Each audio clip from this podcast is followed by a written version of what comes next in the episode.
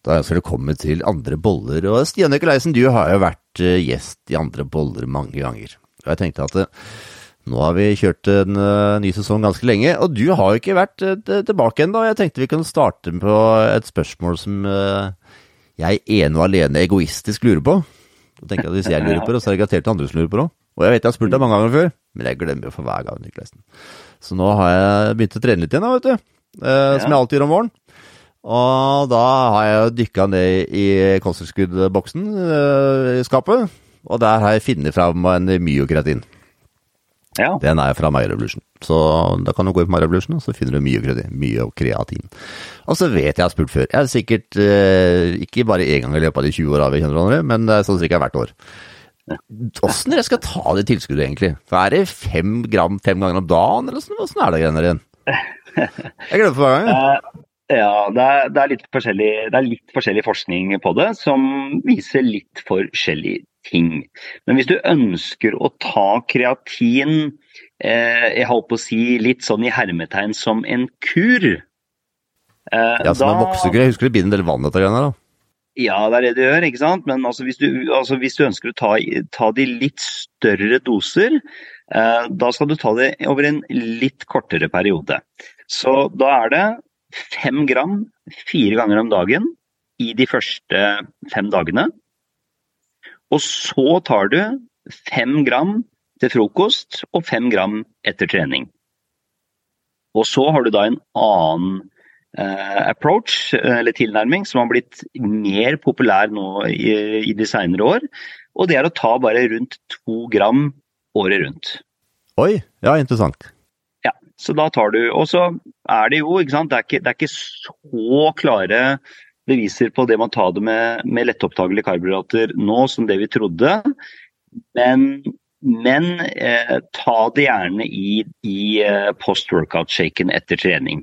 For da vet vi at du får optimalt opptak. Mm. Men det fungerer ikke den ganske bra som en, uh, som en neurotransmitter, gjør den ikke det? Eller det er, jo ikke, det er vel ikke neurotransmitter, men det fungerer kanskje som uh, hjelper til? Eller? Det er helt riktig. Det? Ja. det? er helt riktig. Og, og, og, og, det er her, med hensyn til eh, ja, med hensyn til hvordan å øke på en måte den kognitive evnen. Da. Eh, med hensyn til bedre konsentrasjon og innlæring og, og minneretensjon. Eh, det er her Det er det jeg tenker på, Stian. Det er selvfølgelig det jeg tenker på. Nå som alderen ja, går framover. Så tenker på hukommelsen nå. Det er ikke samme formen, det er, det er hukommelsen. Du skal ikke ha 20 gram for å, for å øke 10 kg i, i kroppsvekt. Nei, og det, og, det, og det, er i det resonnementet her at det har blitt veldig da, populært å bruke da to gram ca. året rundt. Ja, interessant. Men da må jeg jo umiddelbart si å få begynt med det. For um, jeg tenker det er litt viktig, altså du vet jo det sjøl òg, når man uh, trener og sånn, så er det jo deilig å få litt ekstra piff òg, hvis det, hvis det kan hjelpe til. Absolutt, absolutt. Og det, det, er det som er litt, uh, det er det som er interessant, da, når, uh, når en da viser at det faktisk så har kreatin da en innvirkning på hvordan hjernen fungerer. Ikke bare på hvordan muskulaturen ut, eller vi, vi, da har muligheten, kapasiteten, til å produsere mer styrke når det gjelder maksrepetisjoner. Altså, vet jo at du er et sånn levende oppslagsverk, vet du. Og så har jo Marius nå fått noe som heter Vital B-vitaminkompleks, altså B-vitaminkompleks. Ja. Og det er jo noe som er viktig for seg, Stian. Og som eh, ja. mange glemmer. Her er jo da Kan vi ikke snakke litt om de forskjellige, for jeg vet at du kan det mesteparten av de som er her. Og jeg tenker at det er interessant, for de fleste har hørt om B-kompleks, men de vet ikke hva de forskjellige tinga er. Og det syns jeg er litt spennende. Som for eksempel tiamin, Stian, som da er i dette komplekset her. Er, hvorfor skal vi ha tiamin? Altså, eh, kan si først da, at eh, B-vitamin det er jo ekstremt viktig for altså, veldig mange av kroppens prosesser. Eller rett og slett for at kroppen skal fungere normalt. Det er jo det mikronæring er, ikke sant? sånn som alle forskjellige vitaminer. Og B-vitamin er jo ekstremt viktig generelt sett for energiomsetningen. Bl.a. for produksjon av røde blodlegemer, og ikke minst da med hensyn til nervesystemfunksjonen. Optimalt nervesystem. Uh, og det er liksom en sånn uh, eh, Altså du kan si det, det er jo uh, det som er den røde hva skal jeg si, for noe tråden for alle vitaminer. Men når vi snakker da om tiamin, det er jo som alle de andre B-vitaminene, det er jo vannløselig. Og så er det ekstremt viktig for å få mest mulig utbytte av karbohydratene i kroppen. Eh, og det, eh, det inngår også i et enzym. Men problemet der er at Eh, hvis du f.eks. Det her er spesielt for tiamin, men, ikke, men det gjelder for de andre B-vitaminene også. Veldig viktig, ikke la B-vitaminer ligge ute i sollys, for da blir de faktisk brutt ned. Eh, men, og tiamin er også gunstig for energiomsetningen i kroppen. Interessant. Da gjelder det samme for B2 òg, eller? B2, absolutt. Absolutt. Og, og klart, når vi snakker om Energi, eh, det mange merker veldig veldig effekt på eh, hvis de får godt opptak av et B-vitamin, er jo da B12 når vi ja. snakker om energi. ikke sant? B12 er, eh, er ekstremt viktig, og det er, det er kanskje det B-vitaminet som de fleste har mangel på, og som de fleste også da merker en best mulig effekt når de får tilført B12. Og Det er spesielt hvis man er vegetarianer, for da får man vel ikke B12 fra kjøtt? er ikke det som er... Ja, helt korrekt. Så spiser du lite kjøtt, eh, samme som eh, med kreatin, da, eh, da, vil du, da, vil du, også få mye, mye kjappere mangel av B12. Og en som alltid går igjen, Stian, og det er B6. Den syns jeg liksom hører opp til stadighet. Hva er grunnen til at vi skal få oss denne? Nei, altså B6 er jo veldig viktig for å roe ned nervesystemet. Det er derfor de f.eks. har det i ZMA, sink, magnesium og B6. Så de skaper det som heter en synergieffekt. ikke sant? Det blir liksom, de hjelper hverandre, og de får også da roa nervesystemet mer ned. Så du får eh, nervesystemet til å slappe av, du får muskulaturen til å slappe av. Og det har også en tendens til at hvis du mangler B-vitaminer, spe spesielt da B6, så kan du få en litt mer sympatisk, altså kjempe- eller flyktrespons i nervesystemet. Ja, så anbefaler deg som hører det, å få i deg B-vitamin. For jeg tror de fleste har vel litt for lite B-vitamin, har de ikke det? For det er jo ikke så mye mikronæring med alle disse grønnsakene. For det skal vi huske. Der kan du mye mer enn meg, da, så du får bare korrigere meg hvis jeg tar feil. Men uh, mesteparten av de grønnsakene som dyrkes i dag, de dyrkes jo i vann. Så tilsettes jo da eventuelt næring, men det, det er jo ikke det samme Hvis man ser på næringsinnholdet, så er det ikke det samme som de får hvis de gror i jord. Så selv om vi tenker at vi får i oss mye av de forskjellige mikronæringene, så er det ikke alltid at vi gjør det, spesielt hvis det er mye grønnsaker som er dyrka i vann. Så derfor trenger vi tilskudd.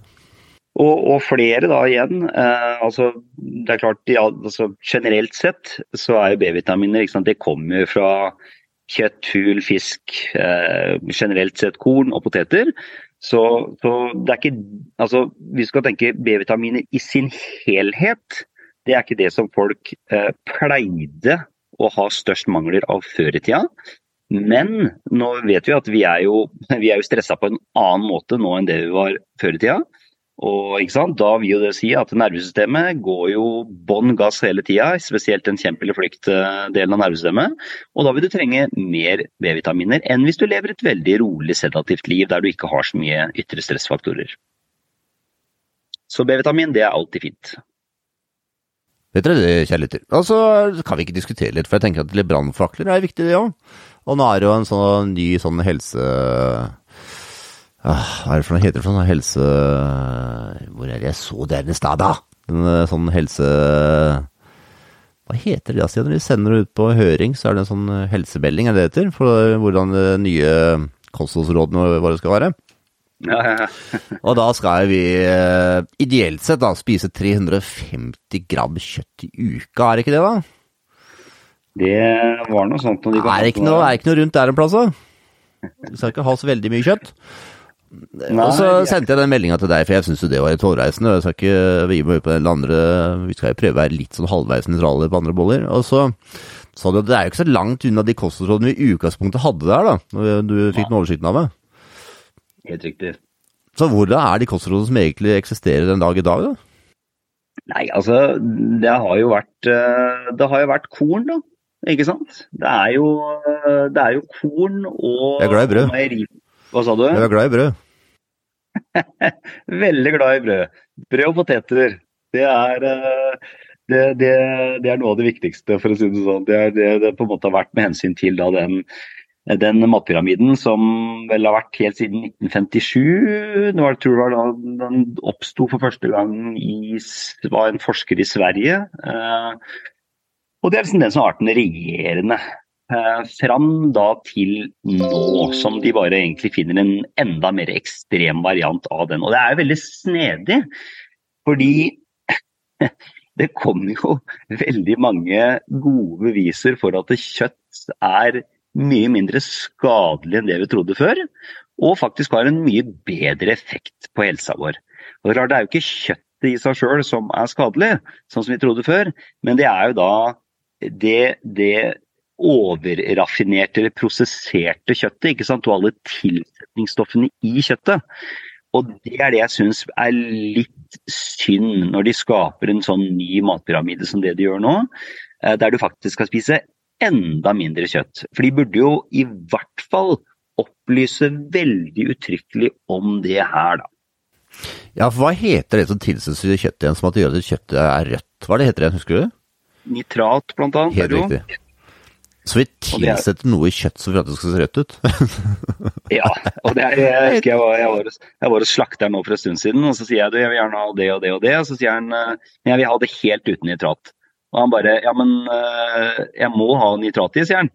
Nei, du må, må, må, vel egentlig ikke det. Jeg kan, jeg kan heller kjøpe ham og si ja, men du vet at det kjøttet blir seende helt Jeg, jeg kommer ikke til å få solgt det da, sa han.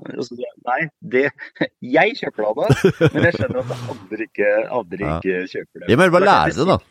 Det ja, ja, sånn absolutt. absolutt. Og det er klart at så, så, det beste er jo hvis du hadde funnet kjøtt som omtrent så helt grått ut. Mm. Ja, helt klart. Men det er jo det. Ja, det er jo det. For det er klart, da er du fri for nitritt, liksom. Eller nitrat. da. Ja, for nå fant jeg det det er jo disse kostholdsrådene, og det er jo Det sto jo litt sånn om det, og det er jo det er nylig utarbeidet en, forsknings, utarbeidet en forskningsgruppe, forskningsgruppeforslag. Ok, det var skikkelig godt skrevet. uh, til, nye nordiske, til nye nordiske kostråd, som i slutten av mars ble sendt ut på høring, der dette er anbefalinger som kan bli sentrale når nye norske kostråd skal utarbeides i sommer. Og I utkastet heter det bl.a. at man ikke bør spise mer enn 350 gram kjøtt i uken, både av helsegrunner og i et bærekraftperspektiv. Ja. Uh, og ja, ja, så er det en annen ja, Vi må snakke litt om det her. For at, uh, det kom jo en annen studie her, jeg tror det var helgen, som den fikk litt oppmerksomhet. Og der viste det at uh, man fikk uh, Det var en amerikansk studie som, var gått, som man liksom sov i 20 år, da. Og hva som var mhm. årsaken til diabetes type 2. Ja. Og da var jo blant annet kjøtt en av årsaken til en høy grad av diabetes type 2. Det det ikke sto noe om der, da, det var jo brus. De hadde jo ikke tatt med antallet hvor liter brus som drikkes. Det var jo ikke med i den studien. Men det var fruktdrikk, men det var ikke med brus.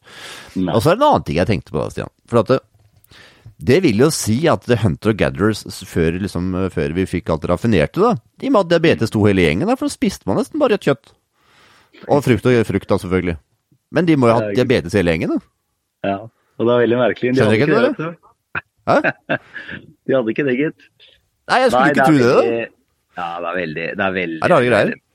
Ja, det er veldig stedig. Og, og, det er klart at de aller, aller fleste eh, ja, hva skal jeg si, ernæringsfysiologer og, og, og, leger, hvis du snakker med de, altså hvis du har f.eks. diabetes type 2 eh, jeg vil si De aller fleste nå de er jo ganske godt oppdaterte rundt det her med karbohydrater. At, at, at karbohydratene er det som øker blodsukkeret, ikke sant. Og, og, at hvis du holder det på et minimum Nå, jeg ikke, nå snakker jeg ikke om noe sånn helt ekstrem nødvendigvis ketodiett eller noe sånn ekstrem uh, low carb uh, high fat, men i hvert fall at du holder det i det lavere sjiktet. Så, så, kommer du til å få et høyst sannsynlig få et mye bedre liv med diabetes type 2. Men det blir litt utfordring så kun skal spise 350 gram kjøtt i uka, da? Da, det skal godt gjøres, altså, å spise seg mett på, er Ett egg, et egg i uka? Ja. Var ikke det? Ja, eller noe sånt?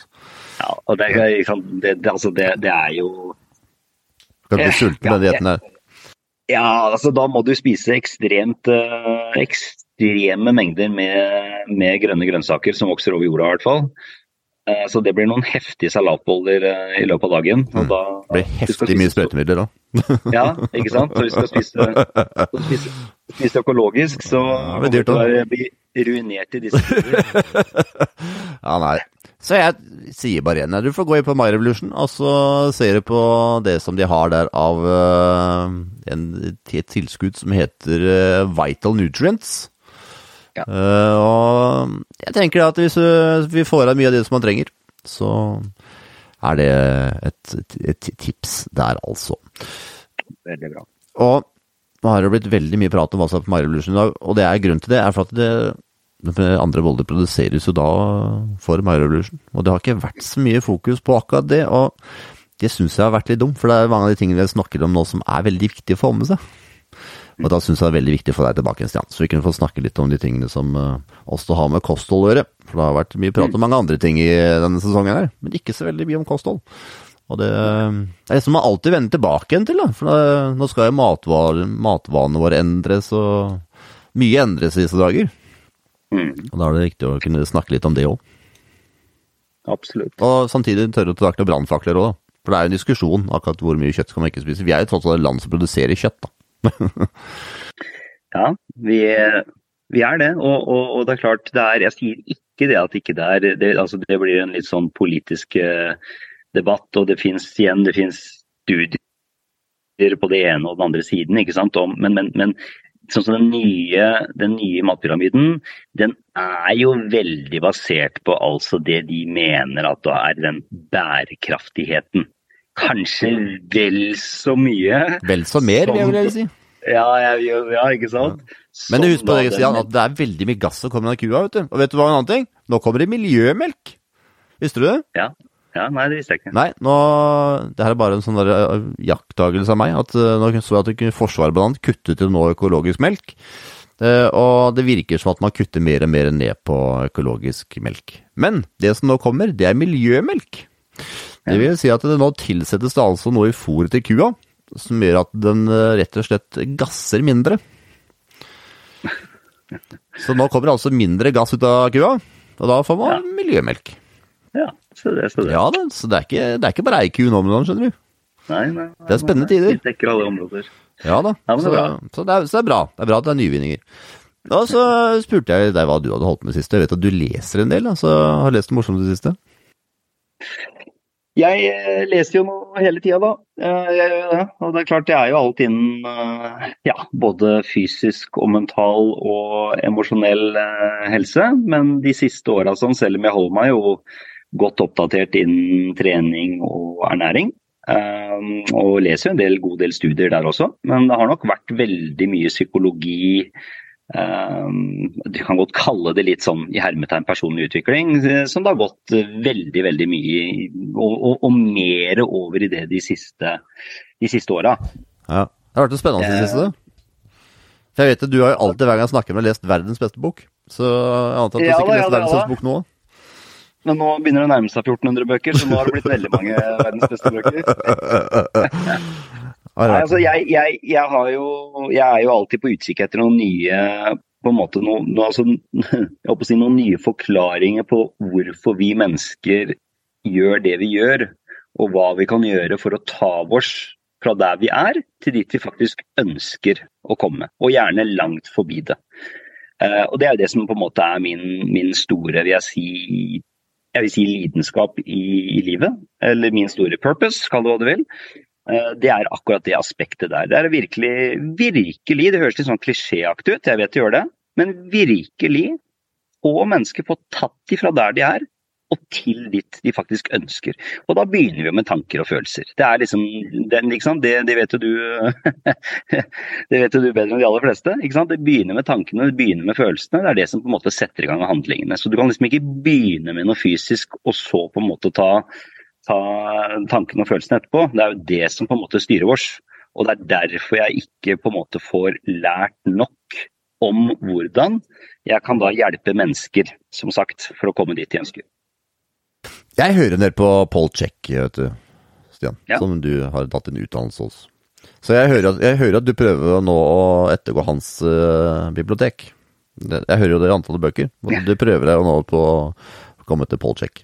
Og for de som ikke har hørt om han før, da, så kan ikke du fortelle litt om ham? Jeg tenkte vi kan snakke litt om, uh, litt om han et lite øyeblikk. Men uh, for de som ikke har hørt om før, så kan du mye mer om han enn meg. Hvem er Ja, denne altså, fyren? Ja, nei, altså Paul Check, Nå har jeg ikke vært så veldig mye borti han de siste åra, men jeg gikk jo en femårig, femårig utdannelse hos uh, han, som da heter Check Practitioner og uh, eh, eh, Check eh, Holistic Lifestyle Coach. Og noe som heter eh, Four Quadrant Coaching. Så det er tre forskjellige utdannelser han har. Og, og det han i utgangspunktet var, han var jo da en, eh, en massasjeterapeut som fikk ekstremt gode resultater. Men det han gjorde da, nå har han jo vel kommet opp i, jeg tror han snakket om han hadde lest 35 000 bøker. Eh, så det er, jo, det er jo ganske greit. Så, og det han, det han rett og slett gjorde, han tok da alle de forskjellige typer av fysioterapi og kiropraktikk, og leste alle kompendiene, alle studiene som han kunne få tak i, og oppsøkte alle de beste av de beste terapeutene rundt omkring i hele USA, både i USA og i, i Europa. Og da satte sammen et komplett system for å virkelig kunne hjelpe mennesker. Uansett om de er friske og ønsker da å komme seg til å bli i hermetegn superhumans, eller om det er mennesker som rett og slett kanskje er totalt ødelagt. Om det er kronisk smerte, kronisk utmattelse, om det er kanskje fordi de har blitt utsatt for en ulykke der de har knust omtrent i hermetegn alle bein i, i kroppen. Eh, og det var det han begynte med. Men så forsto han jo etter hvert at eh, litt, Det blir litt det samme som jeg sier der. Han forsto jo etter hvert at eh, det med kroppen er bare én side. Og, og, som han kom fram til for en del år siden, så er det jo psyken hos mennesket som er det viktigste. Fordi, og Grunnen til at eh, psyken er det viktigste, det er fordi du kan jo faktisk bestemme at du vil ta livet av deg sjøl. Så, så, så psyken er jo det viktigste, det vi kan kalle for kontrollsenteret. Og det han gjorde da, når han da hadde hva skal jeg si for noe, mastered physical game, for å si det sånn, eh, og trent alt fra som sagt ødelagte personer til topp idrettsutøvere, da gikk han som sagt videre og gjorde det samme innen psykologi som han hadde gjort innen fysioterapien. Tok absolutt alt av de beste, satte sammen det her til et psykologisk eh, coachingsystem. Og gikk enda videre de siste åra med hensyn til inn i det spirituelle, inn i det åndelige. Det var akkurat det som vi kom inn på. For han har en podkast som heter Living 4D med Paul Check. Det er ganske interessant, for at det, det spenner så vanvittig vidt at det, det kan Den ene episoden handle om uh, det mest spirituelle du klarer nesten å huke tak i. som uh, handler Og så kan det andre handle om design av hvordan man liksom kan designe ting på best mulig måte for natur. Og så kan det handle om trening også. Det er, det er veldig bredt, da. Men det som jeg skulle fram til, det virker som at det, når man har gått veldig mye ned i det mentale over lang tid, som undertegnede også kan signere på, så virker det som at du automatisk går nesten litt mer og mer over til det spirituelle skråstrek energipunktet. Altså den Ja. energien man ikke ser, det man ikke ser, da. For at til slutt så har du Jeg tenkte på det før i dag, at nå har jeg holdt på med podkaster i syv år. Jeg har gjort over 400 intervjuer. Mm. Og det er, det er begrensa hvor mange ganger du klarer å snakke om mestring på forskjellige vinklinger, på en måte. Eller hvor mange ganger du klarer å snakke om den samme tingen med bare forskjellige vinklinger. Ja. Det går sånn Yes. tomt til slutt. Eh, Ja. Og da vil det automatisk at du går litt mer og mer over til det du ikke kan se. Absolutt. Fordi at du ser liksom at det er en, eh, det er energi der. Det husker jeg jo, det er en veldig personlig sak for deg, Stian, men jeg forteller det likevel. jeg. For at det, er det mange år siden din, mor gikk bort? Syv? Åtte? Nå, nei, det er akkurat uh, det er ti år siden. Ti år siden, ja. Det var, var ikke det her for noen måneders tid siden, da? Eller er ti års måneders tid siden? Var Det det var uh, 7. januar eh, 2013. Ja, jeg kan se. Totalt bom på datoen. Mm. Nei, og da tenkte jeg på det, for din mor, sånn som jeg husker henne, var jo en sånn veldig stor person, masse energi, og var på en måte en sånn eh, Når hun kom inn i rommet, så la du merke til at hun kom inn i rommet. For hun var en veldig, veldig blid person. Mm. Ja, så husker jeg det når vi var på sykehuset og hun hadde gått bort til en ulykke. Så husker jeg at eh, hun var jo så veldig liten. ikke sant? Ja. Den, der, den, den som lå på bordet, eller ikke på bordet, men på, i senga der, var jo så enormt liten. Jeg husker jeg sto der og tenkte at det, kan det her være samme personen, da? Er liksom, Mm. For det var jo ikke sånn jeg oppfattet henne når hun måtte være i live. Og det er sånn Og akkurat den sammenligningen der, den har jeg tatt med meg i seinere tid. Og når jeg tenker på det her, så er det sånn den energien er så veldig mer enn den fysiske kroppen som vi inntar, altså. Vi inntar en fysisk kropp, og så har vi en form for energi som er der. Eller energien vår, det er jo uendelig mange beskrivelser på akkurat det, da. Men jeg tenker at det, ligger, det må ligge mye mer i den der energien som, som betegner oss på mange måter, enn det vi enn det vi på en måte klarer å beskrive på gode måter, tror jeg. For det, hvis du kommer inn i et rom med en person som har veldig mye energi, så er det akkurat som den energien tar rommet. mm. Enn hvis ja. du kommer inn i rommet med en som kanskje er litt uh, nedfor, litt betutt, og liksom er kanskje litt sånn inneslutta, da. Så merker du mm. ikke at personen er det i det hele tatt. Det er veldig fascinerende. Jeg tror kanskje det er litt av grunnen til at man prøver å søke kanskje litt den retninga. Man har gravd veldig mye både den fysiske og den psykiske. Ja, altså tror jeg altså, Jeg holdt på å si vi, vi, mennesker vi er jo delt opp i tre forskjellige kropper. Vi har den fysiske kroppen vår. Det er derfor det også på en måte vi har hørt om det her med kropp, sinn og ånd. Eller kropp, sinn og sjel. Ikke sant? Altså, De aller fleste vet jo altså Selvfølgelig det er noen mennesker som ikke har den kapasiteten her i det hele tatt. Men veldig mange mennesker kan f.eks. gå et sted i en gate eller inn i et hus og så bare kjenner de oh, hva er det her for noe, liksom? Hva er den atmosfæren i hermetegn? Ikke sant? Hva, hva, hva er den følelsen? Hva, hva er det? Den, den, den, energien som du kjenner av jo det, altså, jo, det er jo akkurat det. Det er jo energi. Er jo energi. Altså, altså, noen ganger så kan du, du kan se et smilende menneske, og så bare liksom ah, det er noe som er litt off med den personen der, altså. Kan det være pattern recognition, altså det er mønstergjenkjenning? Ja, absolutt det kan være det. Men noen ganger så, så, så er det akkurat sånn Det er et eller annet annet. Hvorfor på en måte er det et eller annet som forteller meg at eh, som sagt, at den personen ikke er, er, er helt den det begir seg ut for å være, eller som du sier, noe helt annet. Noen personer som kommer inn i et rom, og så er det akkurat som de bare er ti ganger større enn seg selv. De bare, de bare bruser, oser et eller annet. Og hva er det et eller annet? Vi kan kalle det, kar vi kan kalle det karisma, men, okay, men, men hva er det? Hva er den utstrålingen der? Jo, ikke sant? Det er jo energi. Men, men, ikke sant? Vi, vi, men, men, vi er jo veldig og Det er jo det som på en måte er litt synd med det, med det vestlige samfunnet vårt. da. For vi er jo veldig ut fra f.eks. den allopatiske medisinen. Det er liksom ok, du har en fysisk feil der, da må du fikse det med noe annet fysisk. Enten operasjon eller gjerne en medisin, på en måte, ikke sant. Eh, men, men igjen, det når du virkelig liksom er opptatt det blir en liten digresjon her, men altså når du, når du virkelig er opptatt da, av å nummer én få det beste livet og bli den beste personen sjøl, og sånn som jeg som jobber som coach og terapeut, da, og virkelig skal hjelpe andre mennesker til å få det best mulig, ja, da må du jobbe på et litt mer sånn subtilt plan også. Ikke sant? Det, sinnet er absolutt eksepsjonelt viktig. Det ble en rar, det ble en rar Men det er, det, altså, det er eksepsjonelt viktig. Men å ta det enda skrittet på en måte videre der, ja, det er så mange som får, finner så mye mer mening og hensikt i livet når du, når du begynner å jobbe eh, et på en måte nivå høyere. Jeg tror det. For det Du kjenner meg, Stian. Jeg har jo flytta, vet du. Og valgt et litt annet liv for en periode. Mm.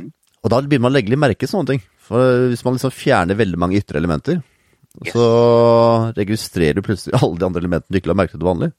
Du legger i alle fall merke til ting hvis du blir påvirka av noe annet, i alle fall.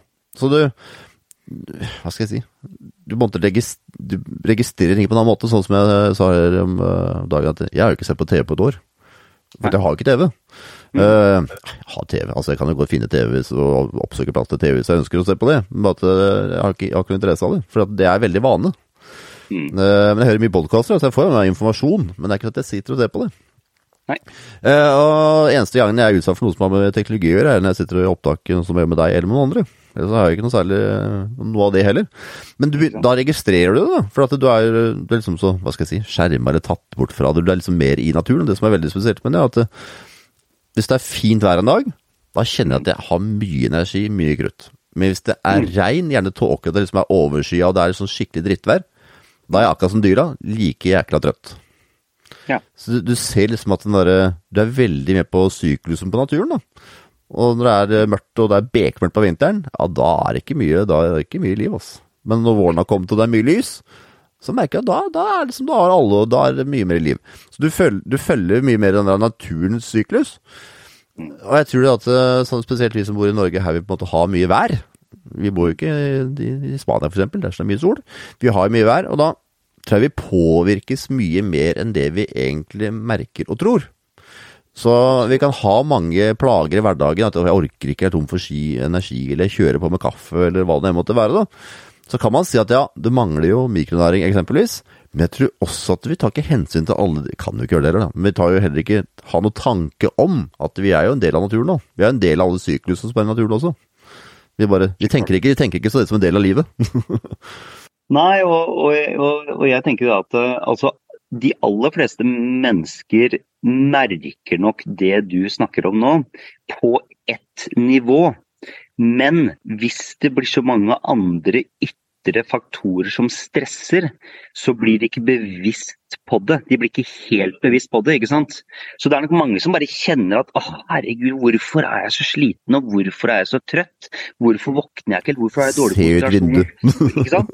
I, i, ikke sant? Bare liksom altså, ja, slå av telefonen litt og se ut vinduet på en måte. Eller, altså, altså, det, men det er klart at hvis du har masse distraksjoner hele tida, er på TikToken 24-7 og Instagrammen, og du er liksom, det, det, er liksom, det er lyd og det er bilder og det er stimuli på en skjerm hele tida, så blir du så mye mindre følsom og bevisst på hva du egentlig trenger. Hva er det jeg egentlig trenger nå? Det er så viktig spørsmål å stille seg sjøl. Hva, hva, er det jeg egentlig trenger nå? Trenger jeg en kaffekopp, som du sier? Eller trenger jeg faktisk å gå meg en liten tur og sette meg i skogen og puste litt med magen? Eller å legge meg Jeg trenger jeg bad iskaldt vann. Ikke sant. For eksempel. Ja, men jeg skal ikke tulle med det, for det er faktisk veldig Nei. mye i det. Hvis du merker at du er skikkelig groggy en dag, og du, ja, du kjenner at det, det er sikkert alle kjenner på følelsen at du bare føles som at du er bare sånn sirup. Du er en sånn, der, sånn deig som går av gårde. Du er, ja, du er så tung! mm. Og så finner du deg kaldt vann. Ta hensyn til alle hjerter og alle sånne ting, selvfølgelig. Ta hensyn til helse. Men så går du ute, gjerne vasser uti eller eh, fjær for øyeblikket, det er ni grader i vannet, syns det er helt greit å vasse ute til boksekanten. Da syns jeg at det er kaldt i massevis. Mens andre de dukker huet under og syns at det er også veldig behagelig. Er ikke helt der ennå. Men jeg kan kjenne at når jeg kommer opp igjen på land, har helt annen, altså helt annen energi, mye lettere til sinns og Det er det som skjer. Så det er jo ikke uten grunn at veldig mange bruker kuldeterapi, da. Nei, absolutt. Uh, absolutt. Og det som er så fint Behagelig da, med.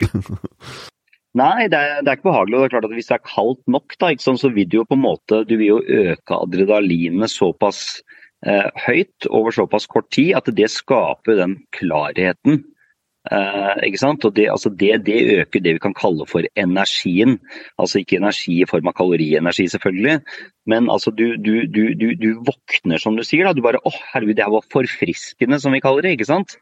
Eh, og det er jo rett og slett pga. den akutte eh, efedrin og norefedrin, adrenalin og kortisolresponsen som du får. Men du får høyere adrenalinrespons enn kortisolrespons når du tar kalde bad, og det er derfor det fungerer veldig bra for å våkne opp, uten at det gir deg en stresseffekt over tid. Ja, for det føler jeg ikke.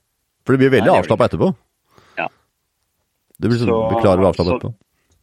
Så det er veldig bra. Og det er klart det er en motsetning av uh, kaffe. For det øker jo både, både som sagt efedrin og norefedrin og adrenalin, men også kortisoleffekten, ikke sant. Mm. Det er det merket, Stian, nå som jeg har bodd i, i naturen lenge, vet du. Så mm. Før så kunne ikke jeg se på kaffe før jeg ble gira. Det er sant, at Hvis jeg bare kjente at det kom en dråpe på tunga, så kunne jeg gå en hel dag. Mm. Mens uh, nå så kan jeg faktisk sitte og ta meg en kopp kaffe, faktisk. Men jeg får ikke noe, jeg får ikke noe energirespons av det. Nei. Jeg er liksom uh, rolig som skjæra på tunet, selv om jeg har fått meg kaffe. Og det er ganske interessant å se hvor mye stress uh, i en hverdag da, kan uh, mm. utgjøre på hva du får av stimuli utenfra. Ja, og det, og det, er klart at det, her har vi, har vi de, de, forskjellige stressfaktorene. Vi, vi, har jo mentalt og emosjonelt stress. Vi har kjemisk stress i form av altså alt fra medikamenter til alkohol til E-stoffer osv. Vi har stress i form av ja, mat og drikke, som kan gå litt under den kjemiske også. ikke sant? Og så har vi fysisk stress, og så har vi elektromagnetisk stress. Ja, de, ja hvor, hvor er ikke? Det er god rekke, ikke sant. Og det er klart at hvis du, da, sånn som du, da, som alltid har vært ekstremt følsom for alt av strålinger og wifi og den biten der, på en måte. Hvis du har det pluss litt husstress pluss litt ikke sant, det, det er ting som skal gjøres og, og, og, alt med seg, ja, da vil den kaffekoppen bare råstresse en allerede stressa kropp. Men det er klart, når du får den der vanvittige roen som du opplever nå, da, ikke sant. Ja, da vil ikke den kaffen gjøre noe negativt i det hele tatt. Det er veldig fascinerende. Jeg tror det er mange lyttere som kan kjenne seg igjen. For jeg tror at i dagens Jeg tror ikke jeg er den eneste som eh, er litt sensitiv for lyd og stråling osv. Det er bare at jeg tror mange ikke forstår hva det er. Der er vi tilbake på det. ikke sant? Når det blir som, jeg, Nå avbrøt jeg deg litt her, men, men, men der er vi tilbake på akkurat det som var poenget mitt i stad. ikke sant? Når det blir så mange forskjellige stressfaktorer, så folk merker at ah, det, det er noe som ikke er bra. Men de vet ikke hvor de skal begynne å det, ikke sant? For det er, det er i hvert fall ikke stråling. Ironisk. ikke sant? Det er i hvert fall ikke kaffen, det er i hvert fall ikke stråling, det er i hvert fall ikke det, det er i hvert fall ikke det. Ikke sant? Ja, mm. nei. Ja, det er fascinerende. Jeg husker det er veldig morsomt i fjor. Så, I fjor i forfjor husker jeg ikke, Stian, det går så fort. Men du er jo en person som alltid har sovet litt dårlig. Jeg Kanskje det begynt å sove bra nå, men det, det har i hvert fall ikke gjort det før. Og så var det jo med meg på telttur, her som, eh, som jeg sitter og har opptak med deg nå. Og det var litt fascinerende, for du er jo alltid sånn som sover dårlig. Og jeg satte opp teltet, og så gjorde vi det klart, sånn at du kunne liksom få, få slappe av litt. Og meg og barna, vi var ute. Og Stian han skulle bare gå inn og bare hvile øynene litt. Da, jeg tror klokka var halv ni eller kvart på ni eller noe sånt. Jeg tok det sannelig ikke så lang tid før jeg hørte du snorka, gitt. Da sovna du tidlig, men da var fjerna alle støymomenter. Da. da var jo på en måte alt tatt bort. Det er ganske fascinerende da, så da var du trøtt. ja da, men altså det er, er det, rart? det er det, og, og, det er jo alltid en sånn greie sånn som jeg eh, f.eks. har hatt. Jeg blir jo veldig trøtt og sliten hvis jeg er jeg, nå, nå, gjør jeg det ikke, eh, fordi nå, nå, de, nå, sover jeg godt, liksom. Men, men, men før i tida eh, så ble jeg helt slått ut hvis jeg var ute i naturen. Ja, det er helt drøyt. Så andre kunne si det at liksom de åh, jeg får så mye energi av dette i naturen. Og jeg bare Det var som om jeg hadde tatt på tre sovetabletter, liksom. Jeg var helt skutt. Um, så, så, og det er jo mest sannsynlig da igjen, ikke sant? For at du har et eller annet for høyt stress, for høy prestasjon på en måte på ett eller flere nivåer av livet, eller aspekter av livet. Og så, når du da får du da noe som på en måte jorder deg sånn, ikke sant? som tar på en måte ut all stresset, og da som jeg, Lyttere som har hørt meg på den podkasten før, de vet jeg er veldig glad i å snakke om det autonome nervesystemet. og det er klart at Da slår det deg over i hvile og fordøyelse. Ikke sant? For det er jo der kroppen egentlig henter energi. Og det er det som er den store feilen. ikke sant? Folk tar seg ikke tid til akkurat det her. Gå barføtt ute, sitt på en stein, ta deg et bad. Sov eh, eventuelt ute i naturen, eller legg deg tidlig på en måte. Få sollys inn på øynene. ikke sant? Alle de tinga som gjør at du faktisk får henta inn kroppen og skapt energi. Jeg kan signere på at det er viktig. Men det, det er annen ting jeg har registrert det siste, så jeg tenkte å spørre om. Det er en sånn rent personlig, egoistisk samtale der, med opptak. For jeg la merke til siste tiden at uh, hvis jeg spiser seinest igjen Jeg gjør helst ikke det, for jeg prøver å holde meg til samme måte du spiser på, altså fra klokka tolv på formiddagen til klokka ti på kvelden. Men det er bare at jeg, jeg legger meg litt tidlig òg, vet du. Så da kan jeg være litt sånn småsulten ved å spise litt lite på dagen. Og så kan jeg være litt sånn skjessen på et eller annet, kanskje sjokolade. Og da kan jeg gjerne spise det rett før jeg går og legger meg, men det som er veldig spesielt med det, og som du garantert har en god forklaring på, at jeg sover jo så sykt godt. jeg blir så trøtt når jeg har fått med den lille sjokoladebiten. Ja. Men hvis jeg er sulten, nei, da er det ikke lett å få sove. Hva, hvorfor er vi sånn? Ja, nei, altså det er, det, er, si, det er, jo flere grunner til det. og det er klart jeg eh, altså Ja, for du har jo sovna i isboksen, det vet jeg jo. Du har jo bokstavelig talt sovna i isboksen nonstop. Så det er jo helt klart at det er noe som skjer. Da.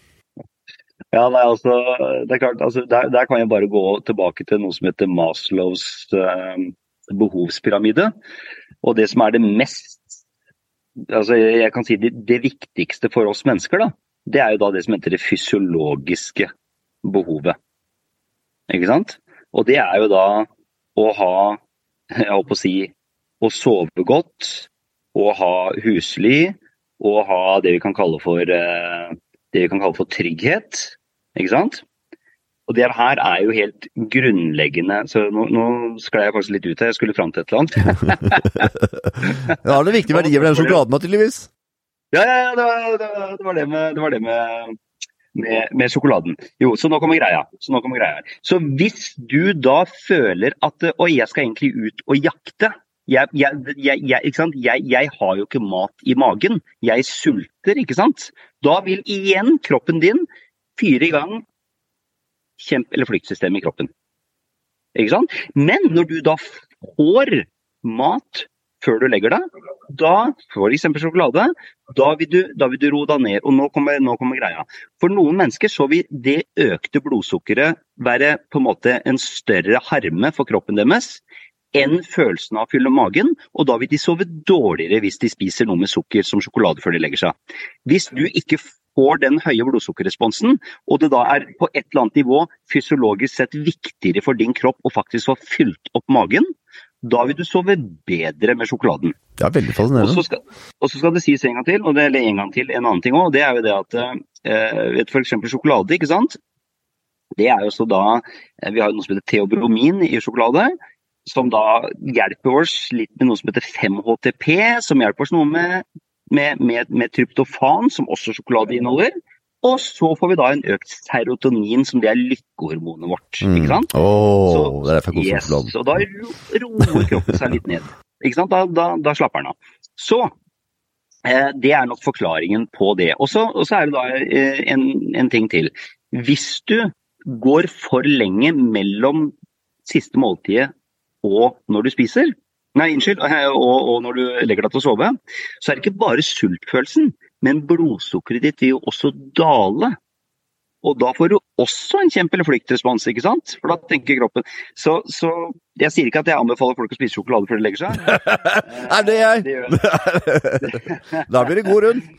Men, men eh, jeg for min egen del, og for de aller fleste klientene mine som, som spesielt sliter med, med, med det å sove, så spis et måltid gjerne en time, kanskje to timer før du legger deg, men veldig sjelden lenger enn to timer før du legger deg.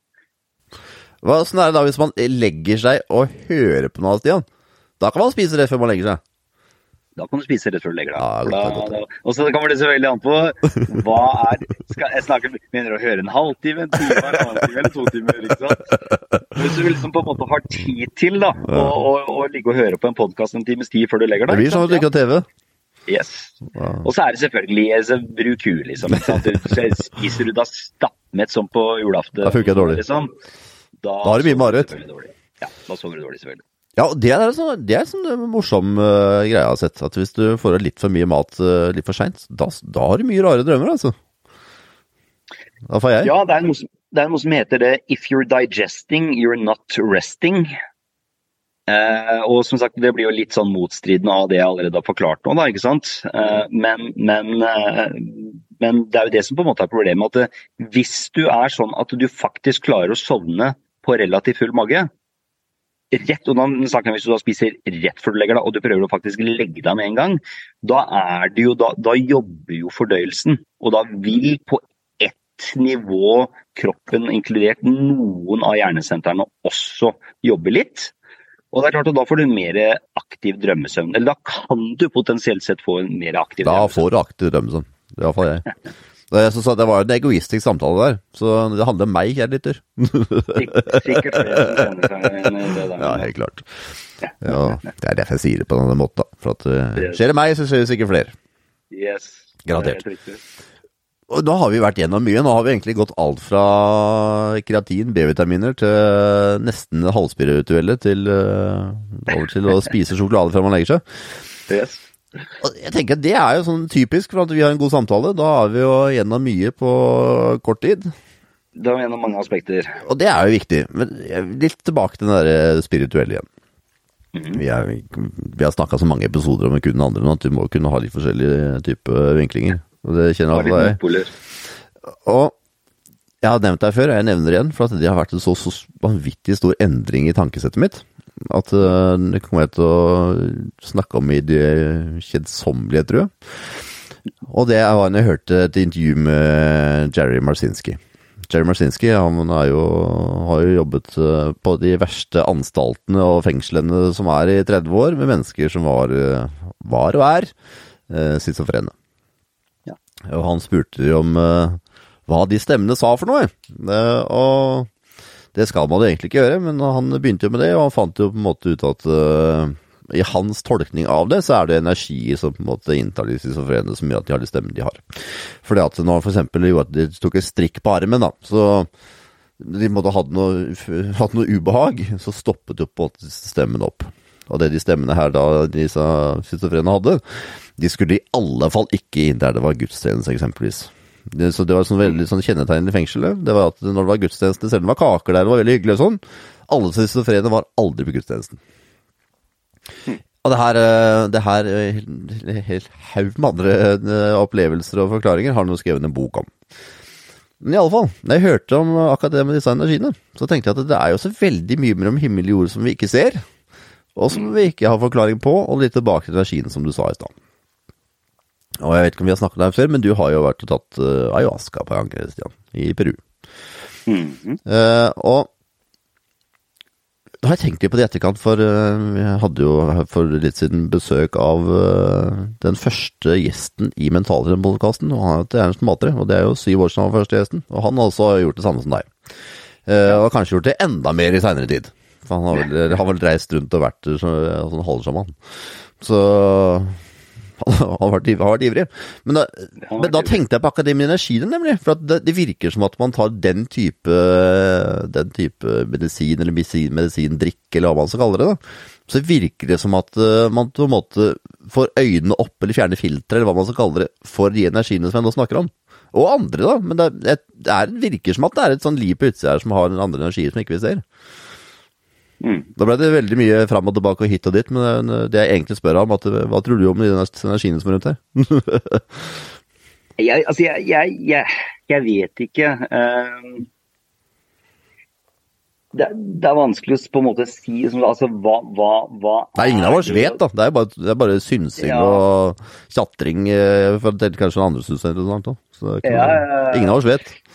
Nei, uh, og, og, og, det er liksom litt sånn det beste jeg kan si, da, det, det er jo egentlig bare tilbake til eh, altså til det jeg sa i stad. Hva er det du på en måte kan føle, som noen mennesker kan føle, uten at de skal være sånn klarsynte? Men altså, hva er liksom hva er det du kan føle i et rom, eller hvis noen f.eks. Liksom har krangla i et rom, da, uten at du egentlig vet om det, men du føler at oh, her var det litt sånn, her var det litt tens stemning, liksom. ikke sant? Og så kanskje du finner ut seinere at oh, ja, vi hadde den krangelen før du kom, liksom, på en måte. Ikke sant? Og så, og så vet ikke sant? Som sagt, hva er den energien der? Så, så at du kan Altså, Vi vet jo det. Hvis du bryter ned alt, hvis du bryter ned f.eks. en menneskekropp, ikke sant? fra på en måte menneske til muskulatur, og så bryter du den ned videre til or organer, og du bryter organene videre nedover til cell, enkeltceller, og cellene til molekyler, og molekyler til atomer, og atomer til kvarker. ikke sant? Altså hva, hva, altså, hva er det? Jo, det er bare bølger av lys. Det er bare, det er bare energi. Så Alt består av energi. Det er ikke noe sånn der kvakk, det er liksom hokus pokus, eh, alver og feer, det. Alt er energi. PC-en er energi, det, kommunikasjonen mellom oss er energi, du er energi, jeg er energi. Så alt er energi. Og det er jo ikke altså, det, det, det er noe en vet innen fysikken. Ikke sant? Men så, så kan det da være at Jeg holdt på å si at det kan henge energi igjen. At, at noe kompakt energi kan flytte seg fra et menneske til et annet menneske. Altså på en måte på litt sånn Litt sånn som det han refererer til her, da, på en måte. Eh, kan selvfølgelig være. Jeg, jeg, jeg, kan ikke si at jeg er sånn overbevist om akkurat den, den teorien hans rundt den schizofrenibiten. Ja, det hadde det vært hvis du hadde hørt intervjuet. Ja, jeg, jeg, hørte på et intervju han i går, etter at uh, du nevnte den. Og jeg, Han har en del interessante erfaringer der, men, men jeg tror nok kanskje hun kan forklare det på en på, på, en litt annen måte. Ikke at jeg har den fulle og hele forklaringen på schizofreni er, langt derifra. Altså. Men, nei, nei, de fleste, 99% ville sagt det motsatte og vært enig med deg, garantert. Jeg bare syns det var interessant. ja, absolutt, absolutt veldig interessant, fordi han er egentlig i utgangspunktet en person med relativt høy kredibilitet. og når en sånn person da sier det, så bare oh, ok, greit, ja. Det er absolutt noe en skal på en måte ta til seg. Men jeg kan også skyte inn den eh, biten der, da. Um, når du da har f.eks. tatt ayahuasca, eller sånn som jeg som har meditert over 12 000 timer i løpet av de siste tolv åra, eh, så blir du veldig bevisst på alt. Du blir veldig bevisst ikke bare på dine egne tanker og følelser og holdninger, men du blir veldig bevisst på andre menneskers, også da igjen, utstråling, aka energi. Ikke sant? Uh, og det samme gjør da f.eks. ayahuasca. Det, også gjør, det, det, åpner opp et eller annet i det. Um, så at den kan hva skal jeg si, samhandle med energi på en litt annen måte enn det på en måte en tenker på selv, bare sånn når vi snakker om fysikk, at du bryter ned fra atomer til kvarker som bare er energi. Det er jeg rimelig, rimelig, rimelig overbevist om at, du, at vi kan. Ja, jeg syns det er fascinerende, Stian. Jeg synes det er, Livet er fascinerende, og det er mye lærerikt i livet. Og jeg tenker at eh, Når man stopper å søke, da er man dau. Så man det er søker, sant. Alt er alltid noe nytt og alltid noe fascinerende. Og så plutselig har man åpna den døra, altså har man gått gjennom den gangen, og så plutselig er man på ny dør. Så Absolutt. finner man noe der også. Jeg tror eh, Man vil alltid søke det svaret, alltid øyeblikket man følger opp med svar, og så plutselig kommer nytt svar, og så nytt svar, og nytt svar. Det er vel det sånn livet er for de som søker. Og så er det jo kun, det er, altså, det er jo kun når vi søker og lærer, og at vi faktisk da, i, i, med mangel på bedre terminologi, det er da vi vokser. Det er da vi utvikler oss. ikke sant? Og for faktisk å vokse og utvikle oss, da må vi være villige til å legge våre sannheter til side og faktisk være villige til å ta feil. Ikke sant? Du vil aldri lære hvis du på en måte Nei, det er sånn det er, på en måte. Sånn har det alltid vært, og det har jeg alltid trodd, og det har mamma og pappa sagt, eller presten i kjerka, eller hva nå enn. ikke sant? Eh, sånn er det liksom på en måte. Nei, men altså, da, da, da vil du stå fast i et mønster òg. Så, så, det må på en måte legge fra seg potensielt sett gamle sannheter, liksom sånn, og faktisk liksom Ja, OK, ja, men hva om? Hva om det er en mulighet, da? Hva om det? Hvis du da på en måte begynner å bytte liksom mindsettet litt over til det, kanskje du får et rikere, mer fullkomment liv. Jeg tenker det blir jækla spennende, altså, i hvert fall. Det blir i hvert fall mye mer spennende. Ja, det gjør det. Helt jævla er nytt. og Jøss, det er masse ikke jeg ser. og det, det, jeg tenker at det er Og så skal det sies at jeg har opplevd mye rart mellom de siste årene òg, altså, som uh, jeg ikke kan forklare på sånn veldig god måte. Så det er sånn uh, Det er mye mellom himmel og jord en ikke kan svare på. Det er uh, derfor helt sikkert. Virkelig. Men utro, utrolig, utrolig det er, det, altså, det, er, det er et veldig, veldig spennende Det er et veldig, veldig spennende ja, så tenker jeg så her eh, Det er ikke så ofte jeg ser på disse iTunes-listene i det hele tatt, men bare jeg skulle laste ned en episode her om dagen, så da dukket det plutselig opp. Og jeg så hun eh, Hva heter hun der veldig spirituelle dama som de fleste har hørt om og sett ut som alltid som veldig sminka og sånn, vet du. Uh, hadde ikke jo egen TV-serie på et eller annet tidspunkt, da. Ja, Lilly Bendrix, er det ikke det? Lilly Bendrix, ja. ja. ja. Hadde du sagt hun norske, så hadde jeg skjønt med en gang. Ja. ja. Mm. Uh, og hun har fått sin egen podkast, så jeg. For jeg kjente noe igjen på, på bildet.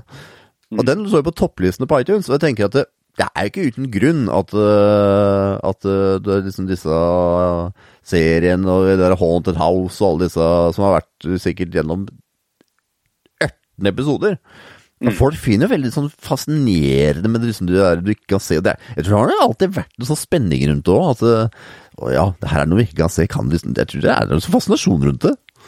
Ja, det er mange mennesker og Det er tilbake til det du sier her. Liksom Åndenes makt. Hvorfor, ja, har det gått i, hvorfor har det gått i 20 år på TV Norge? Liksom, det er selvfølgelig for det er veldig mange hva skal jeg si, skapsspirituelle der ute.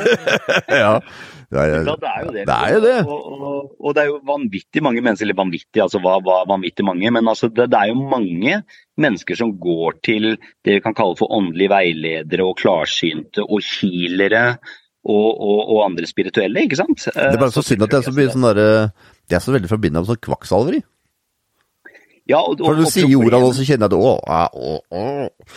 For det er liksom synd. Ja, det, det er jo helt riktig også. Jeg, jeg har jo sikkert vært hos Jeg var jo veldig interessert i det her for en sånn 15-16 ja, år siden, tenker jeg. Ja. Uh, da hadde jeg en sånn et par-tre års tid som jeg var sånn superinteressert i alt som hadde Ja, veldig interessert. Uh, og, og og jeg var hos kanskje jeg, Nå tar jeg et eksempel. Kanskje jeg var hos fire klarsynte og kanskje 12-13 healere, liksom.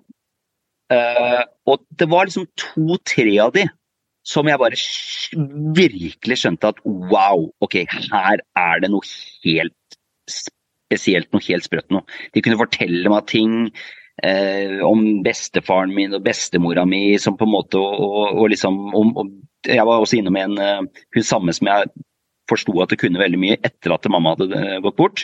Og hun fortalte meg ting om mamma som liksom, hun kunne aldri visst det.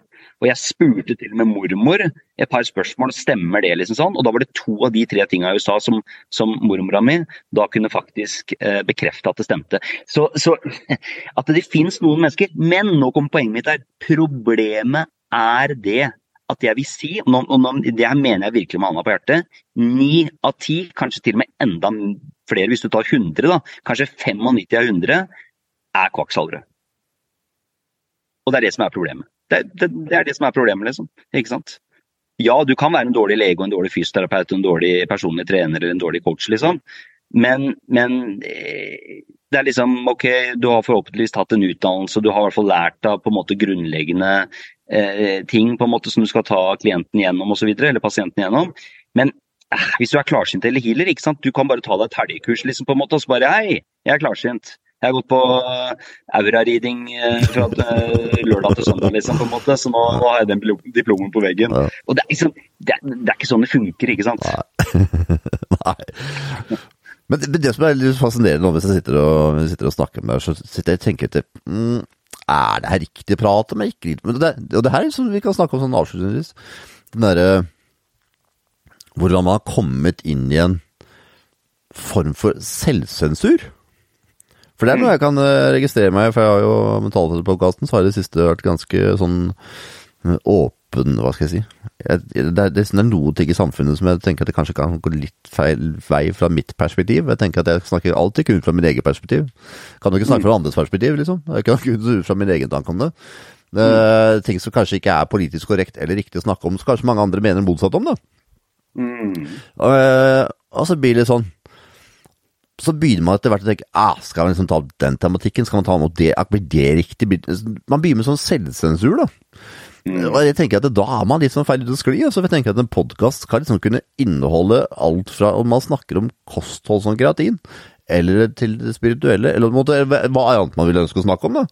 Men det, det, vi må jo ikke begynne liksom med den selvsensuren. Det er ganske interessant. Jeg la liksom merke til det hos meg selv. og jeg vil anta at Hvis jeg legger merke til det, så er det sikkert andre som begynner sånn også. Om det er om du sikkert i en samtale med en kollega eller hjemme, eller uh, du er ute på byen, liksom. Så nei, jeg gidder ikke å snakke om det temaet der. Jeg gir ikke å snakke om det, For det er, uh, det er liksom feil å snakke om. Opplever du det sånn nå, eller? Eller er det bare meg som i mitt sfære her på Nei, altså jeg, jeg, jeg, jeg skjønner litt hva du mener. og spesielt, Jeg kan jo bare sånn relatere det til. ikke sant? Altså Jeg er jo veldig, veldig, veldig sånn som du vet jo, ikke? Jeg, jeg elsker å lese fag og jeg elsker å lese forskning. Og jeg liker selvfølgelig å, å eksperimentere på en måte eh, sjøl for å få best mulig resultater. og sånn, Men for meg så er det viktig på en måte at, at liksom det jeg kan føre videre da, på en måte, av, av eh, ja, når jeg jobber med klienter og sånn, det er, liksom, det er, det er forsknings- evidensbaserte ting. ikke sant? Uh, så for meg sånn, så, så, så, så, er jo det så liksom liksom, det er jo litt sånn merkelig å sitte og snakke om uh, om energier på en podkast, liksom, på en måte. ikke sant? Men, men, men, så er du tilbake til den biten der. altså Igjen, det er jo mange som også syns det her er interessant. Og, og greia er jo det. Det vil sikkert være Halvparten syns det er bare å, så kult at de dro inn på det temaet der, og moro at de begynner å snakke om litt andre ting. og liksom, ikke sant? Det her er kjempebra, liksom. Og så den andre halvparten så tenker jeg bare å herregud, så begynte de å snakke om energi igjen. ja. Men altså, det som jeg sier til, til alle, altså, du, du, kan aldri bli likt av alle. Det er helt totalt umulig. Og det med, det med, på en måte, det med å skulle snakke om temaer eller ikke, i dag så du kan jo ikke være politisk korrekt. Det er jo alt du sier er gærent om det. ja, men det er det. Så til slutt så kan du ikke snakke om noen ting på en podkast, liksom. Hvis ikke ja. det er liksom helt nisjete det bare kunne være én ting, så alle vet nøyaktig hva de får fra den ene sida. Ja, det blir veldig kjedelig, syns jeg. Det blir kjempekjedelig. Ja, det blir kjedelig. Det må liksom være, så, så, være å snakke om flere ting. Og så er det endelig det som er veldig kjekt med podkast, at du kan velge litt eh, sånn eh, hva du liksom hva du, hva du vil høre litt på. Kanskje den mm. episoden er passer for meg, kanskje ikke den. Eller neste, eller halvparten av den. Vi er veldig sånn at vi kan velge litt òg, det tror jeg vi glemmer litt noen ganger. Det er noen podkaster jeg hører noe av, så jeg gadd ikke høre på dem, så kanskje en annen episode. Ja. Det er, det, er, det, er, det er, helt sant. Og det gjelder egentlig og alt. Som, det er vel det du på en måte prøver, forsøker litt òg, selv om den podkasten er sikkert altså den er mest regna for ting som har med liksom, kanskje kost og trening og sånn, men altså, du har jo også prøvd å dratt litt over innen andre områder av livet. da. Og, og, og, mer helhetlig opplevelse av livet og helhetlig helse. Ja, for det er begrensa mange ganger du kan snakke om trening, iallfall jeg. Eh, ja, kan snakke det. om trening. Du, liksom, til slutt så har lyst til å så Jeg tror de fleste liksom, ja, det går til å snakke om noe annet òg. For du ja. skal gjerne holde spenninga litt oppe, og skal gjerne finne, lære noe nytt, eller eh, ja. Ja, så tenker Jeg jo også mennesker som, mennesker som hører på denne podkasten, her, de, de, er jo, regner med, de er jo, jeg regner med at de er opptatt av helse og prestasjon. Det ja, det får jeg håpe. Så det er klart. Jeg skal iallfall kan... finne en annen som handler om noe annet enn det de kanskje tenkte. Ikke. Ikke sant? Ikke sant. Så nei, så jeg tenker at jeg tenker det er godt med litt, litt blanding. Godt med litt blanding, litt miks. Ja, det syns jeg. Så da, kjærligheter, heretter så kommer kun til å handle om åndelige ting. Nei da, det gjør ikke det. Andre boller kommer jo fortsatt til å handle om eh, kosthold og trening og det mentale, og hvordan egentlig vokse, da. Det er jo det vi egentlig handler om. Så det andre boller handler om Erevolution, handler jo egentlig det med, det med livsstil. Og det med livsstil å på en måte ha det best mulig selv. Og det handler om så mye mer enn bare det med å, å spise sunt. Det er viktig, det òg. Men det er, det er, mange aspekter. Og jeg, jeg liker noe å kunne så som frø òg. Kanskje vekke litt eh, tanker og, og En av gjestene som har vært i denne sesongen her, er jo han eh, Bengt Are Barstad, kan jeg tro. Han som har sovet eh, Hadde den gangen sovet 1000 netter ute i telt. Og ja. jeg sendte mail med han før i dag, og da har han sovet 1170 netter ute, og skal vel ligge 2000 netter ute. Han har allerede ligget tre år, så vi fikk legge tre år til. Og, ja, det er ganske fascinerende å prate med han faktisk, for han nå har jo de uh, vært oppe i nord, og så skrev jeg på mailen før i dag at de har hatt en tung vinter. Det er jo for at de, de er jo fortsatt i mørket og fortsatt mye vinter. Det er fortsatt mye snø. Og han uh, regnet med at han kanskje da fikk uh, vår ut i juni en gang. Og det er ganske fascinerende å snakke med sånne mennesker, fordi det her er jo en mann som uh, som sagt har nå sovet over tre år i telt ute i skogen alene sammen med fire polarhunder. Ja. Uh, og det han på en måte har i kommunikasjon med andre, er hvis han er på en måte å kjøpe mat, eller, uh, eller er på podkaster, eller snakker med andre. Men det er veldig fascinerende hvordan noen bare velger i liksom voksenliv for voksne barn å bare koble helt av og bare være liksom bare kun i, i kontakt med naturen. Leve liksom sånn som naturen bestemmer. Mm. Og, det, og det, er liksom det er, Hva skal jeg si? Å høre på sånne mennesker, det skaper jo forhåpentligvis noen tanker og nysgjerrighet, det òg. Og de prøver å vekke litt tanker og nysgjerrighet, syns jeg er viktig.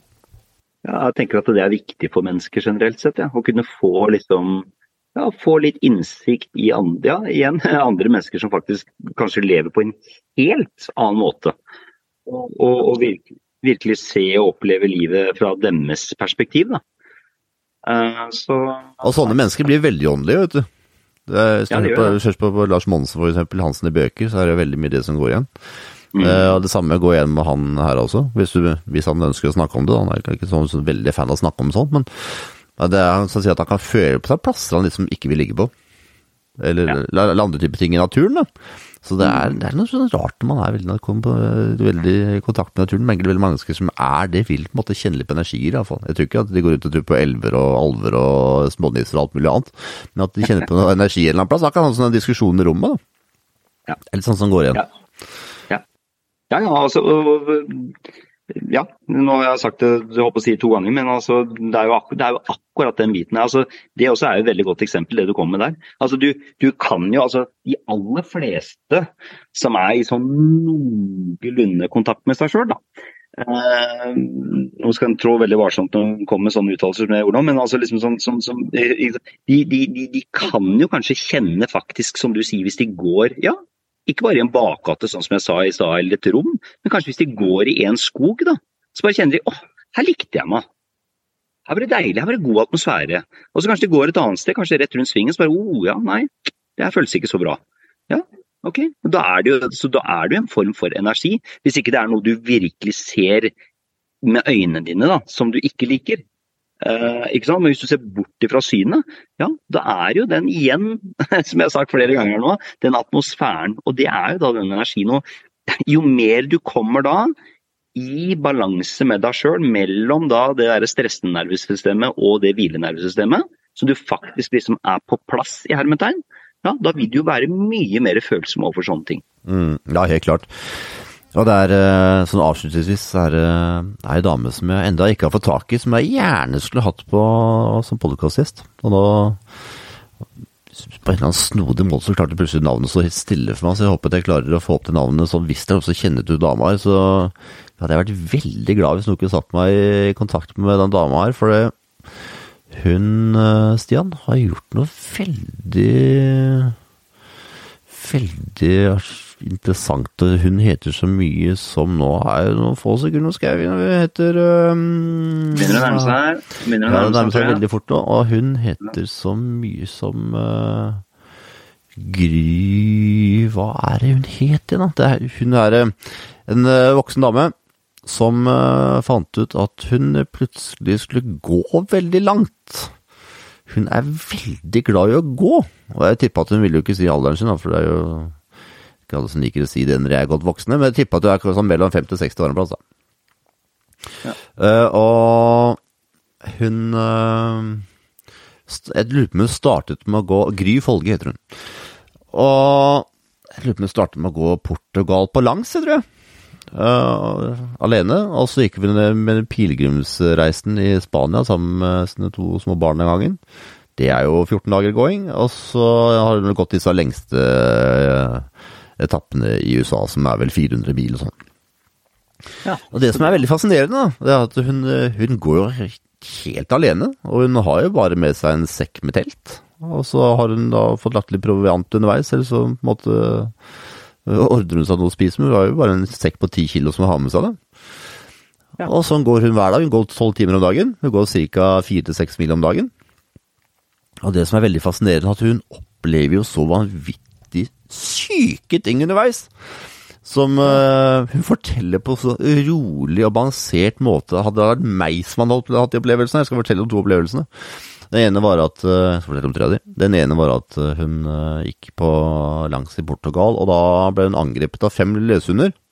Og hun har jo alltid sånn gåstav med seg, da, som hun går med. Og da knakk hun den ene staven over nakken på den ene hunden, for at hun måtte slutte.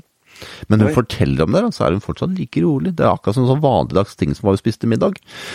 Eh, Og i samme eh, hadde hun også blitt revet inn i en bil, da. Så etterkant så ble jeg veldig redd for å gå langs veien, så hun eh, hoppet ut i kanten når, måtte, ikke når det kom bil, for hun var jo redd for å bli revet inn i en bil igjen.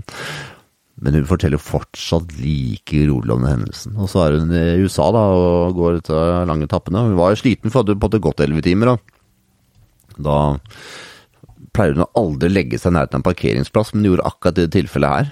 Og så midt på natten da, så våkner hun da, så det kommer en sånn pickup med rednecks og mye musikk og med skytevåpen og sånn. Og de er ute og fester, ikke sant, og fulle og fine. Og der ligger hun i teltet sitt, da. Og de spinner rundt ikke sant, og skyter i lufta. Ja, sånn som det sikkert er, er der, da. Og så plutselig så oppdager de henne og det teltet hennes. Så de stiller da bilen med lys og alt sammen på mot teltet, og med ladegrep. Ja. Alle har hørt det klikke, ikke sant? Og så hører hun at han ene mannen sier at ja, hvis det er en dame i teltet der, så ja, man kan bruke fantasien resten. Og, de, og så tenker, hun ligger jo i teltet, da. Og jeg tenker at å, tør jeg gå ut, eller skal jeg si noe, eller skal jeg bare la det være, eller liksom, hva skal jeg gjøre for noe? Og så sier hun ja, nei, da, da var jeg redd. Men du er fortsatt like rolig å fortelle det her, da. Så hun hadde jo måtte, bare, hadde bare holdt seg i teltet, hun hadde ikke tort å gå ut. Etter en times tid så hadde de jo reist. Og jeg tenker at dette har vært en opplevelse jeg hadde hatt. Først hadde jeg sittet på første fly hjem igjen, høyst sannsynlig. Eh, og jeg hadde i alle fall ikke klart å fortelle det på så rolig og avbalansert måte, i alle fall, for det er mange av disse hendelsene vi har holdt på å drukne og alt liksom noen helt ekstreme opplevelser, men fortsatt like lugn, og holder fortsatt på med akkurat det samme. Jeg syns det er veldig fascinerende. Det er kjempeinteressant. Ja, det er kult. Hun er ikke sånn som gjør det for liksom oppmerksomheten. Jeg tror du finner henne på Instagram eller andre typer sosiale medier. Grunnen til at jeg hørte intervjuet, var at hennes datter hadde kontakt med han som ledet den podkasten vi hører på. Ellers hadde jeg ikke hørt det med dama engang. Så det er liksom, hun gjør det ikke for oppmerksomheten, oppmerksomheten sin del heller. Hun gjør det bare for at hun uh, syns det er fantastisk deilig å gå. det er kult. Men, uh, se om du kan uh, Så er det du som lytter, kjenner du Gry Folge, sett henne gjerne i kontakt med meg, da. For det jeg syns jeg er fascinerende, altså. Så Sånn blir det, Stian. Når du har eh, gjort uh, syv år med podkast med 400 intervjuer, så til slutt må det komme noe nytt. ja, men. Jeg syns du, er kreativ. så det er enten det har gått 400 mil, eller så må det være så åndelig at du har kommet ned i det virkelig igjen. Det er som det, det, Vi begynner liksom å komme ned der. Du leiter i alle kriker og kroker. Nå man leiter i alle kriker og kroker for å finne noe spennende, Stian. Takk så mye for tiden. Vi var jo innom alt fra, som sagt, kreatin til dårlig, vi. Yes. Så du som lytter, fikk med deg en i hvert fall vidt spennende episode i dag. Og sjekk gjerne ut episoden hos meg, Revolution.no. De, de har jo vært veldig fornøyde med begge to, Stian. Så bra. Da sier jeg bare ha det bra, jeg. Ja. Ha det bra, dere. Ha det bra.